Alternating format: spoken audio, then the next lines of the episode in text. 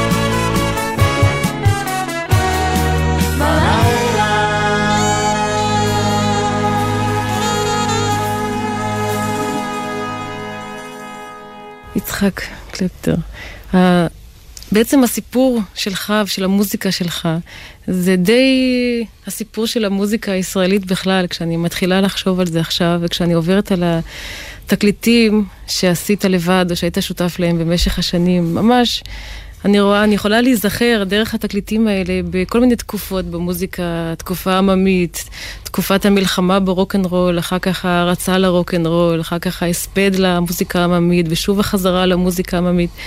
אה, אני רוצה שנדבר על כל התקופות האלה, אבל לפני כן שאלה שאני יודעת שאתה לא כל כך אוהב, ששואלים אותך, אבל פעם אחרונה ולתמיד, מאיפה היה השם צ'רצ'יל, ואנחנו נחזור ליצחק אחרי זה.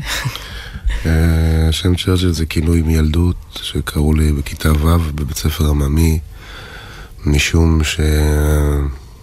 שכנראה הזכרתי לבחור שקרא לי את השם צ'רצ'יל. הזכרתי לו את צ'רצ'יל האמיתי מאנגליה באיזושהי צורה. אה, נכון, היה צ'רצ'יל אחר. כן. היה באנגליה איזה צ'רצ'יל אחד שם. כבר שכחנו בעצם. ומה הייתה להקת הצ'רצ'ילים? זאת אומרת, זה היה קשר? אה, אה, אה, פשוט אחר כך אה, התפרסמתי כצ'רצ'יל הגיטריסט שעושה מוזיקה, ואז אה, להקת הצ'רצ'ילים היה המשך טבעי לעניין.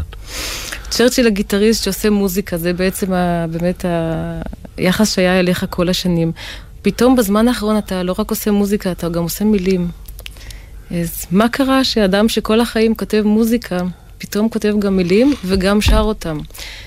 אה, כתיבת המילים אצלי באה אחרי שפגשתי את ינקלה רוטבליט, שהתחברנו, ובזמנו ביקשתי ממנו שיכתוב לי טקסטים לשירים. ואז הוא אמר לי, תשמע יצחק, בשביל מה לך לשיר את ינקלה רוטבליט? תשאיר את יצחק לפטר, תכתוב את השירים שלך לבד. שב, תנסה ותראה מה יצא. אז אני עושה את זה, ואני עושה את זה עד היום. האמת היא שאני לא מאושר כל כך ממה שאני כותב, אבל אני ממשיך לעשות את זה בעידוד של אנשים. אתה לא מאושר מהמילים, או אתה לא מאושר? מהסגנון כתיבה שלי, מה... אני חושב שאני uh, קלאמזי בכתיבה. אבל אולי זה האישיות, זה אכן, כן, זה הסגנון. אני, זהו, אפשר להסתכל על זה מכל מיני כיוונים, אבל uh, בסך הכל אני באמת מקבל הרבה עידוד. ו... בתקליט האחרון שלך, הוא כולו כולו שלך. התקליט הקודם, כן. יש גם כמה מילים של יונתן גפן. כן. ומה השיר שאתה אוהב? במיוחד שם. את כוכבים הם רק טיפות בחושך. נשמע אותו.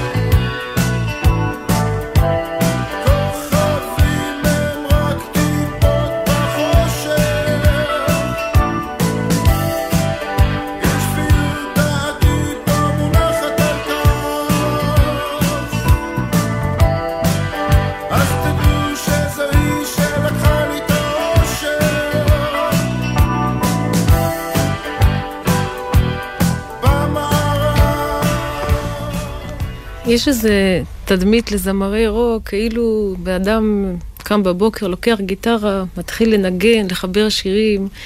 הרי זה לא בדיוק ככה. מה, מה באמת ההשכלה המוזיקלית שעומדת מאחורי כל האלתורים וכל המוזיקה הזאת?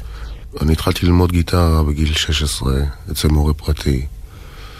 אה, ואחר כך אה, בצבא אני הייתי... למדתי מאנשים שעבדתי איתם, כמו אלברט פיאמנטה, שהוא היה מעבד מוזיקלי של הלהקה. הוא לקח אותי להקלטות, והוא פתח בפניי את כל עולם ההקלטות. אחרי זה למדתי שנתיים אצל יצחק סדאי, מוזיקה קלאסית, קומפוזיציה וניתוח, קונטרפונקט, הרמוניה. ואחר כך למדתי עוד בערך איזה ארבע שנים אצל גון קרטן, גיטרה ומוזיקה. ואני לומד כבר איזה חמש שנים פיתוח קול. מה פתאום פיתוח קול? אה,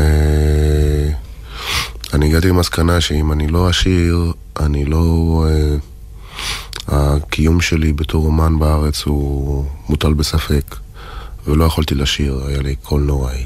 פשוט, אבל יש הרגשה שהיום זה כרטיס, גם- זה כרטיס הביקור לזמר שאין לו קול והוא לא יכול לשיר, אז למה לקלקל את זה? לא, זה לא מדויק, זה לא מדויק.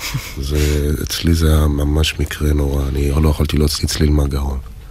אז הלכתי ללמוד פיתוח קול. ואתה ממש מרגיש שזה... וכן... מקדם אה, אותך. אז תראי, קול זה כמו כלי, כן. אתה צריך ללמוד איך להשתמש בו. אתה מרגיש שאתה כאילו תכתוב לעצמך דברים אחרים בגלל שאתה יכול לשיר דברים אחרים? אה, כן, בהחלט. אני אכתוב לעצמי אה, כל מיני טכניקות שפיתחתי בשירה, אני אתייחס אליהן כשאני כותב לעצמי את השיר. כי את השירים הראשונים שלך בעצם מסרת לאחרים, לא שרת אותם כן. לבד. בגלל אותה סיבה שאמרתי לך, שממש הקול שלי היה, מישהו אמר, השלישיית מסורי ציון. שיר אהבה בדואי זה שיר שמאוחר יותר גם אתה שרת, אבל כן. בעצם במקור הוא נכתב לדיוויד ברוזה. לא, הסיפור האמיתי הוא שהוא נכתב אה, לי, במקור לי וליאי לוי, ובתוכנית שיחות סלון עם יונתן גפן, אבל אה, אני באיזשהו שלב אה, חליתי קצת ועזבתי את הבמה, ודייוויד החליף אותי בהצגה, ואז הוא הקליט את השיר עם, עם יעל. והמילים של אה, איציק ויינגר. והמילים של איציק ויינגרטן, כן. נשמע.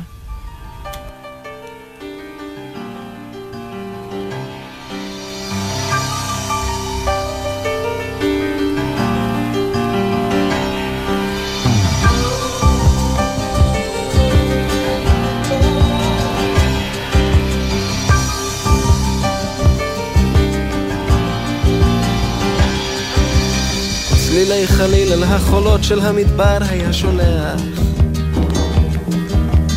ליטפו את גופה הרך והסופה טרפה הכל. חדל להיות כמו החולות, אני רוצה אותך כמו סלע. אז הבטיח לא לנדוד שוב כמו החול. כשהרוחות אותו ליטפו בעוז אחז במות האוהל אוזניו אטם הוא לא לשמוע, לא לנשום כלל את הצליל אתה נווד לחש מדבר, אתה נקבר באוהל צר. והכבשים באו בוואדי כמו חליל. וואו וואו וואו וואו קול קורא לנדוד לנדוד. וואו וואו וואו וואו קול קורא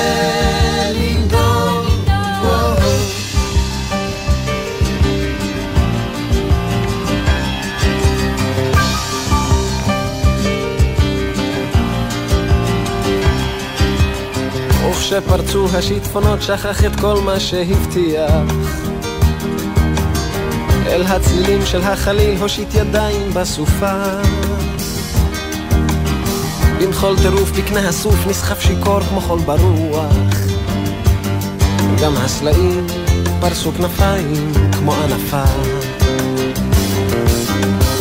וכשחזר שוב על סוסו להעמיק את מות האוהל על היריעות היא בחוטים ובצבעים מילים רק מה ברוך שובך בוגד, אחוז היטב במות האוהל. כי גם אותי סופה נודדת סחפה. וואו וואו וואו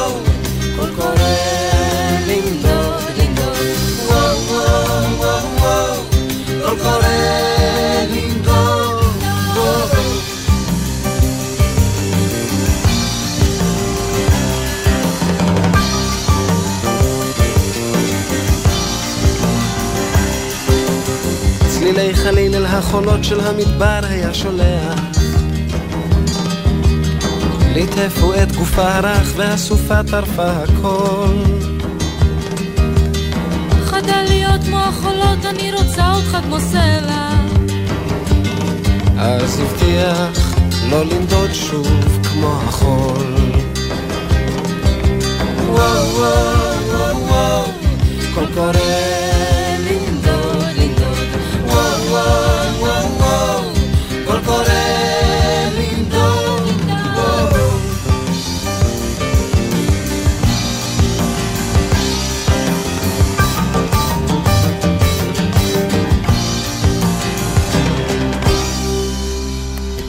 אתה בעצם הפתעת את כולנו כשפתאום אה, הלחנת שיר כמו שיר אהבה בדואי, או באותה תקופה פחות או יותר גם את הלילה, אני זוכרת שרת בפסטיבל הזה כן. עם יעל לוי. כן. כשבעצם התדמית של אה, יצחק לפטר צ'רצ'ל הייתה הרבה יותר אה, רוקנרוליסטית, הרבה כן. יותר אה, אה, כס- כן. כסאכיסטית, גיטרה חשמלית. כן. איך פתאום התגלגלת לכתוב שירים ישראלים כמעט עממיים, כמעט קלאסיים כאלה? אה, קודם כל, הרבה מהעניין הוא גם אה, בביצוע של דיוויד ושל יעל. זאת אומרת, השיר, אם אני הייתי מבצע אותו באותו זמן, הוא היה נשמע הרבה יותר רוקנרול. בגלל דיוויד והגיטרה הספרדית שלו, ויעל, זה נשמע יותר ישראלי. עכשיו, פסטיבל הזמר, פשוט אה, אני הלכתי על שיר שיתאים לפסטיבל הזמר. אבל באופן כללי, אני חושב שאת הנטייה שלי לשירים הישראלים פיתחתי בלהקה צבאית. כי כשהגעתי ללהקה צבאית, בכלל לא ידעתי מה זה שירים ישראלים. שרנו אז ב...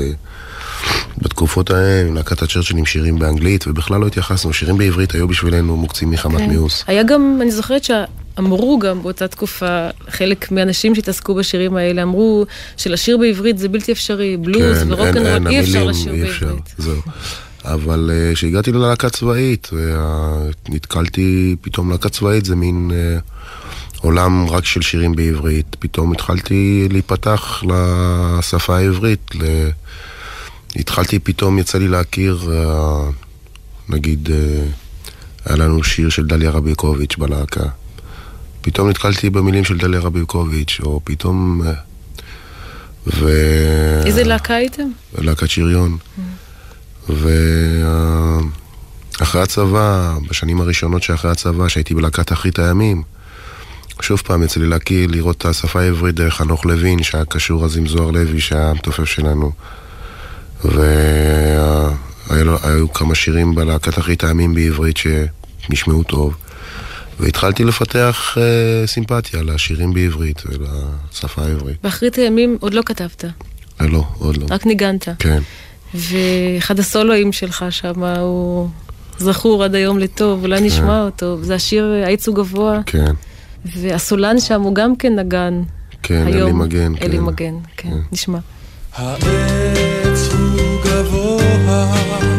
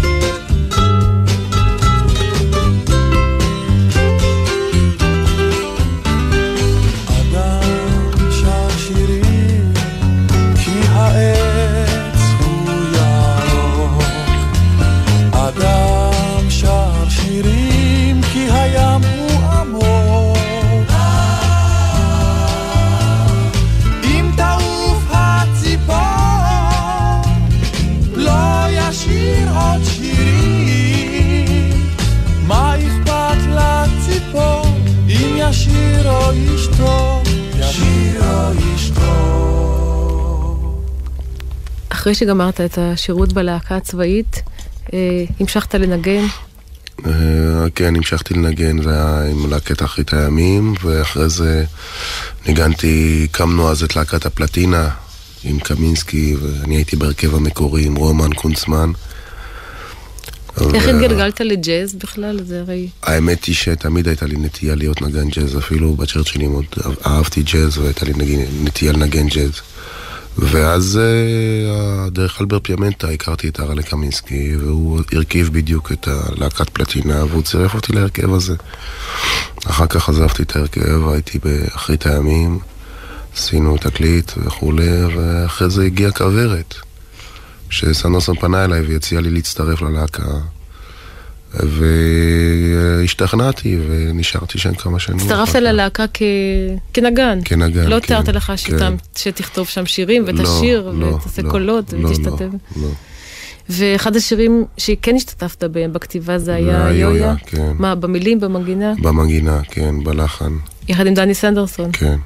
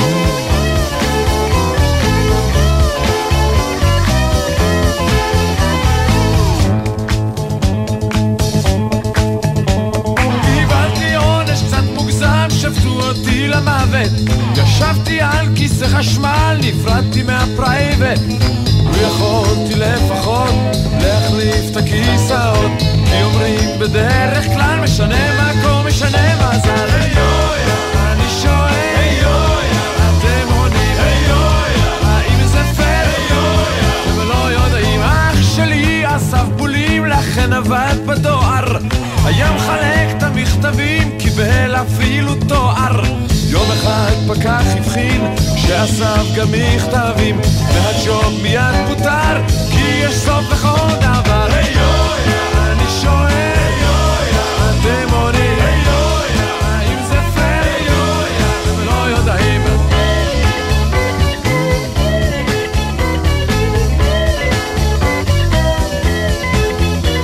היה לי דוד כזה בטלן שהתעצל לנוח היה הולך לנמלה, חוזר בלי מצב רוח. לו היה פחות טיפש, אז ודאי ידע שיש גם תוספת לפתגם, ראה דרכיה וחכם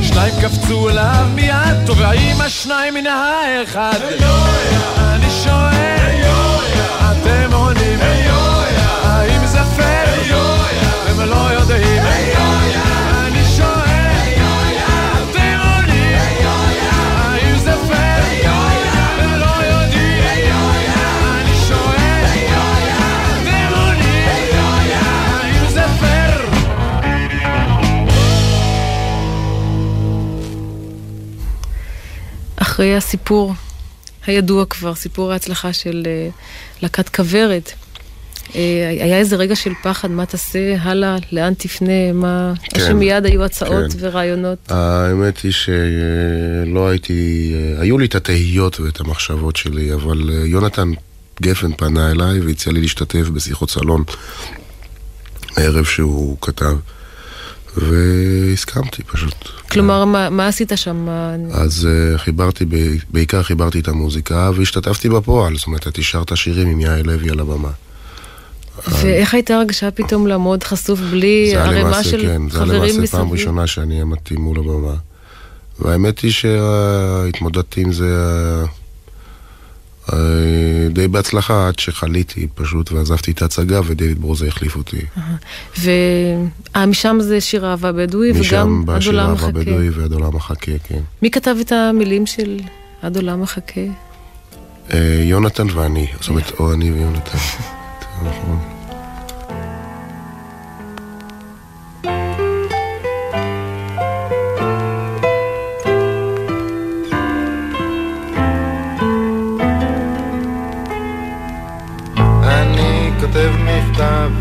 הדף נגמר לי, אני רוצה אותך, רע לי ומר לי.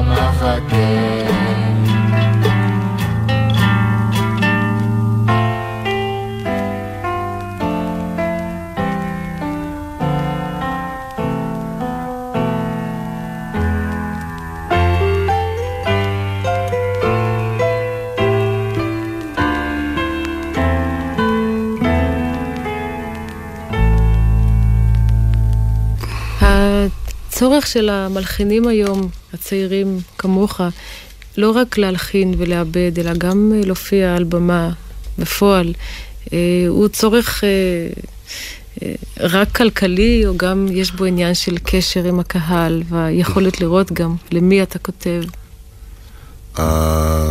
גם זה וגם זה. זאת אומרת, יש את הבעיה שאם אתה יושב בבית ורק מלחין, אז אתה לא...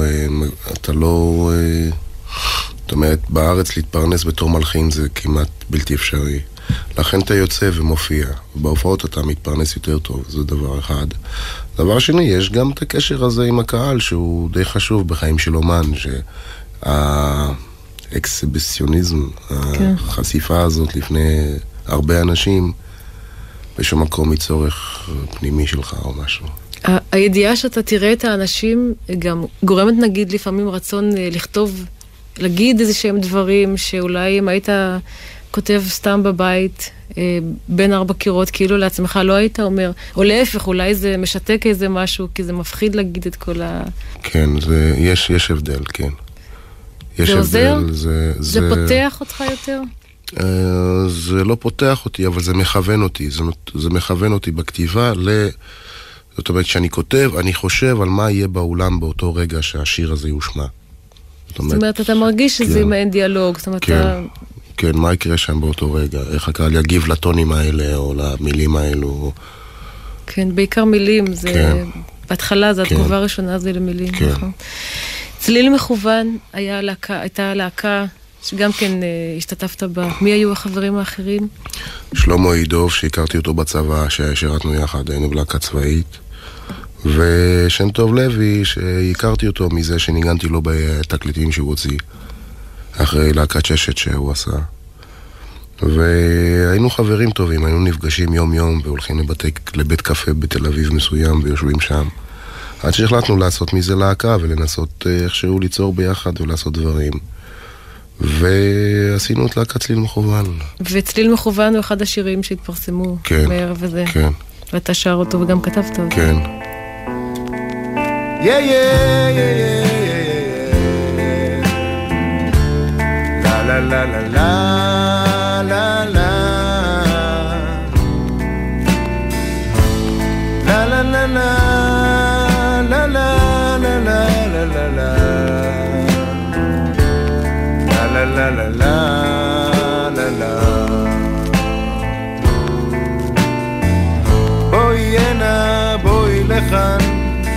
אני שולח לך צליל מכוון, אחרי שנים של חוסר ודאות. בואי הנה אל המילים, אל הקצב, אל הצלילים, מספיק חלום, יפחי למציאות. כשעץ בגן מלבלב זה לא כואב להתאהב לכן עומד ומנגן. בואי הנה בואי איתי כל כך פשוט להיות מעשי. נצא ביחד בטח נהנה. שוברת קטנה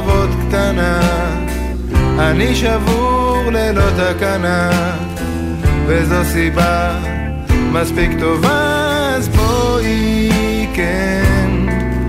יא יא יא יא יא יא. לה לה לה לה לה לה לה. לה לה. לה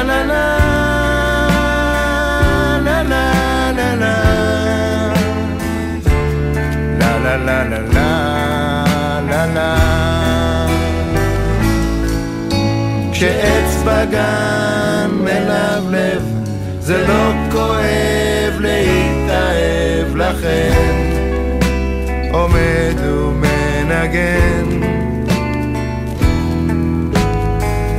בואי הנה בואי לכאן. אני שולח לך צליל מכוון. אחרי שנים של חוסר ודאות שוברת לבבות קטנה. אני שבור ללא תקנה. וזו סיבה מספיק טובה אז בואי כן. יא יא יא יא יא יא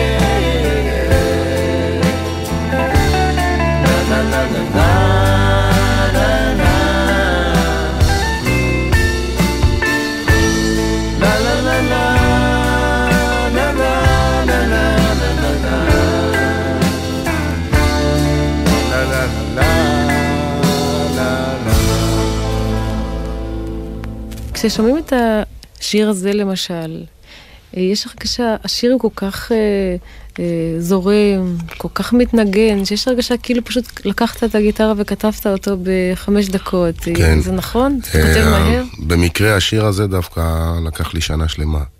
שנה שלמה שנה שיר? שלמה, כן. אני, זה היה שיר בהתחלה לגמרי מז'ורי ועליז כזה, ולאט לאט הוא קיבל את מה שהוא קיבל.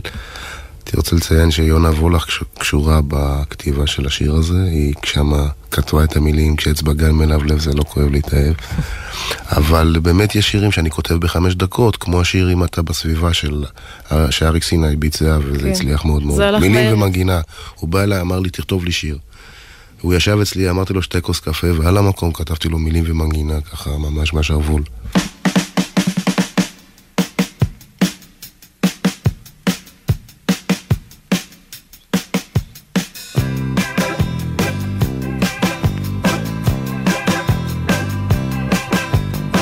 רחוב ישן בצהרי היום, לצדם בתים עם גג אדום, במספרה ממול יושב אדום.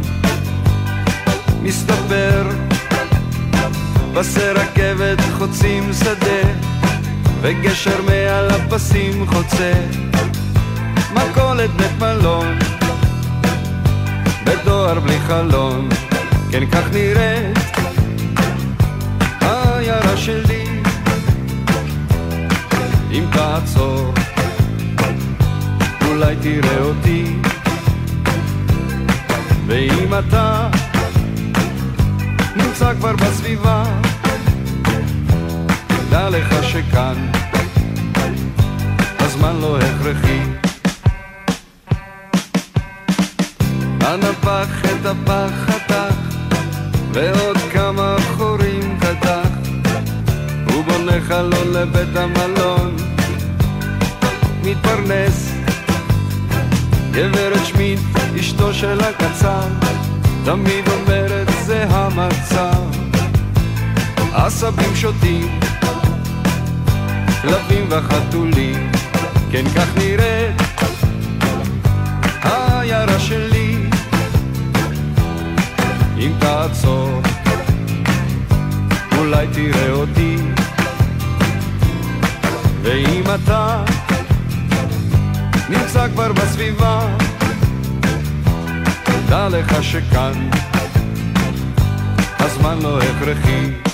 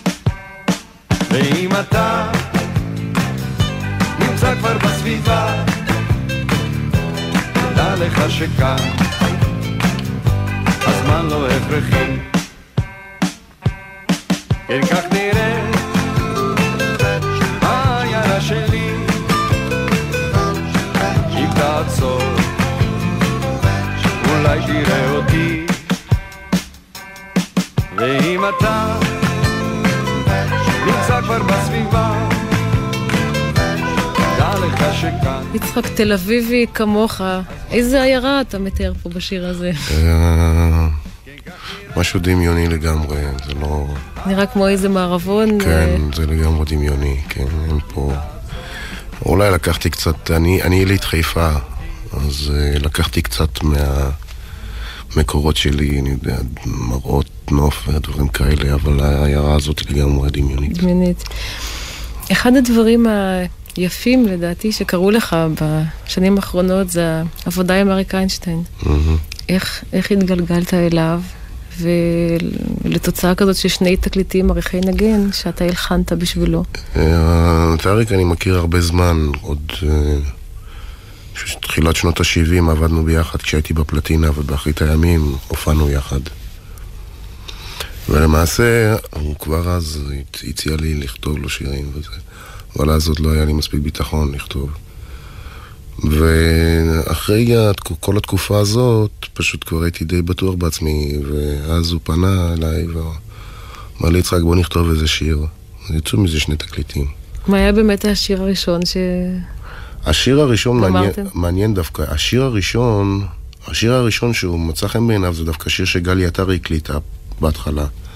וזה נקרא טירוף במה, שזה שיר אהה. שמספר על חיים של אומן בהופעה.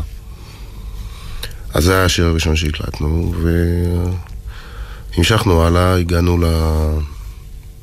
מכרנו, מכרנו טוב, אז פרצה בדיוק מלחמת לבנון גם. ואחר כך עשינו את התקליט השני, שביר. יש הבדל גדול בין שני התקליטים במצב הרוח. ואנחנו יודעים גם בגלל אירועים שקרו כן. ביניהם, וגם בגלל שבאמת בתקליט הראשון עוד יש מילים גם של אלתרמן, של חלפי, בתקליט השני הוא כולו של אריק איינשטיין. כן. אחד השירים בעיניי היפים שלכם, שנשמע משום מה ממש שיר קלאסי כזה של איזה משורר ותיק, ובמלחין ותיק, זה כי שיכור אני. מהמם. אתה גם אוהב אותו? כן, ש... שיר יפה מאוד יצא. נשמע אותו, שיר יין כזה.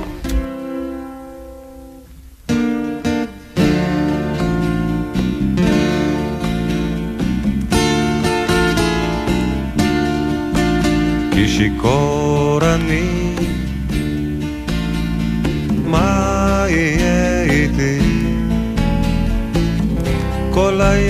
יושב בבית היין,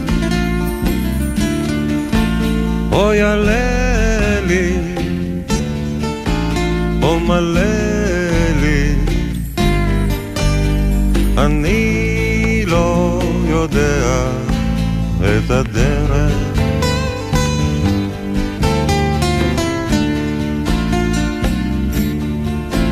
נשמה שלי, מה יהיה איתי?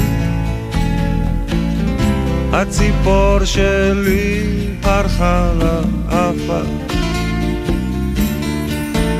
אל הכוכבים, אל המרחבים, והיא לא יודעת את הדרך.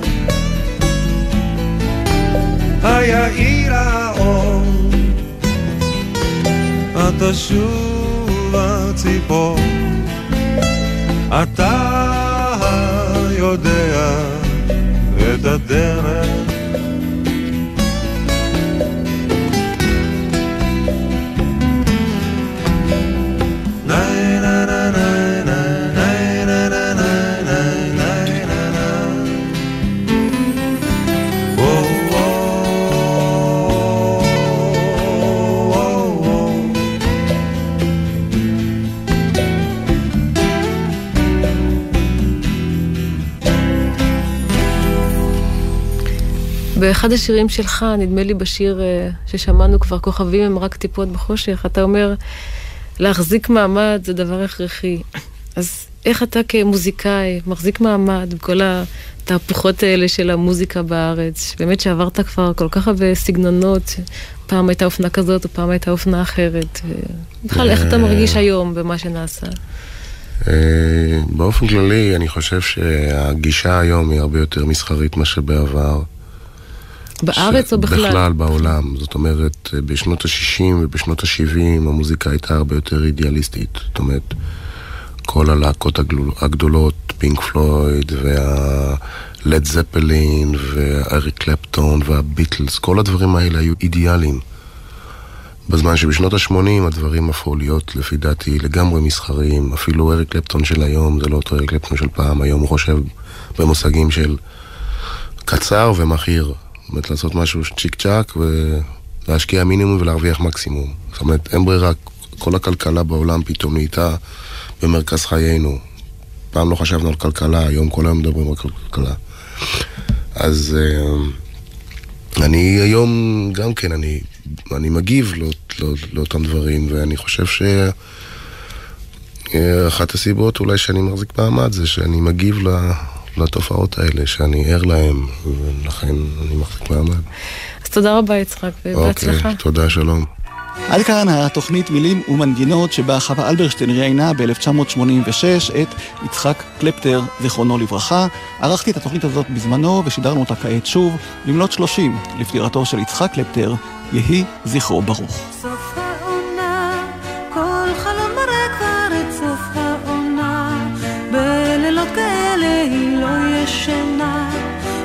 משהו עומד באוויר. הפרק נגמר, כל הסימנים שהקיץ עבר, יש לה הרגשה שהעצב מוכר, שוב הגיע סתיו אל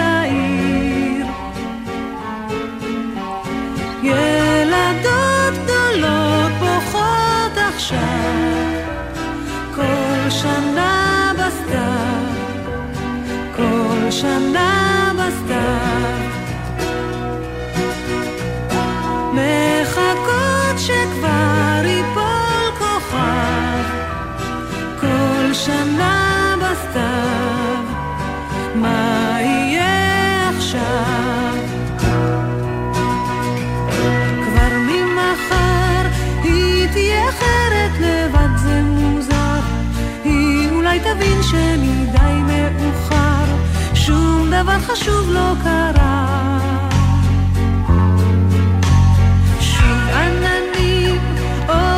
הגשם בינתיים שתיקה, עוד מעט הקשת דממה ארוכה, שבע השנים הבאות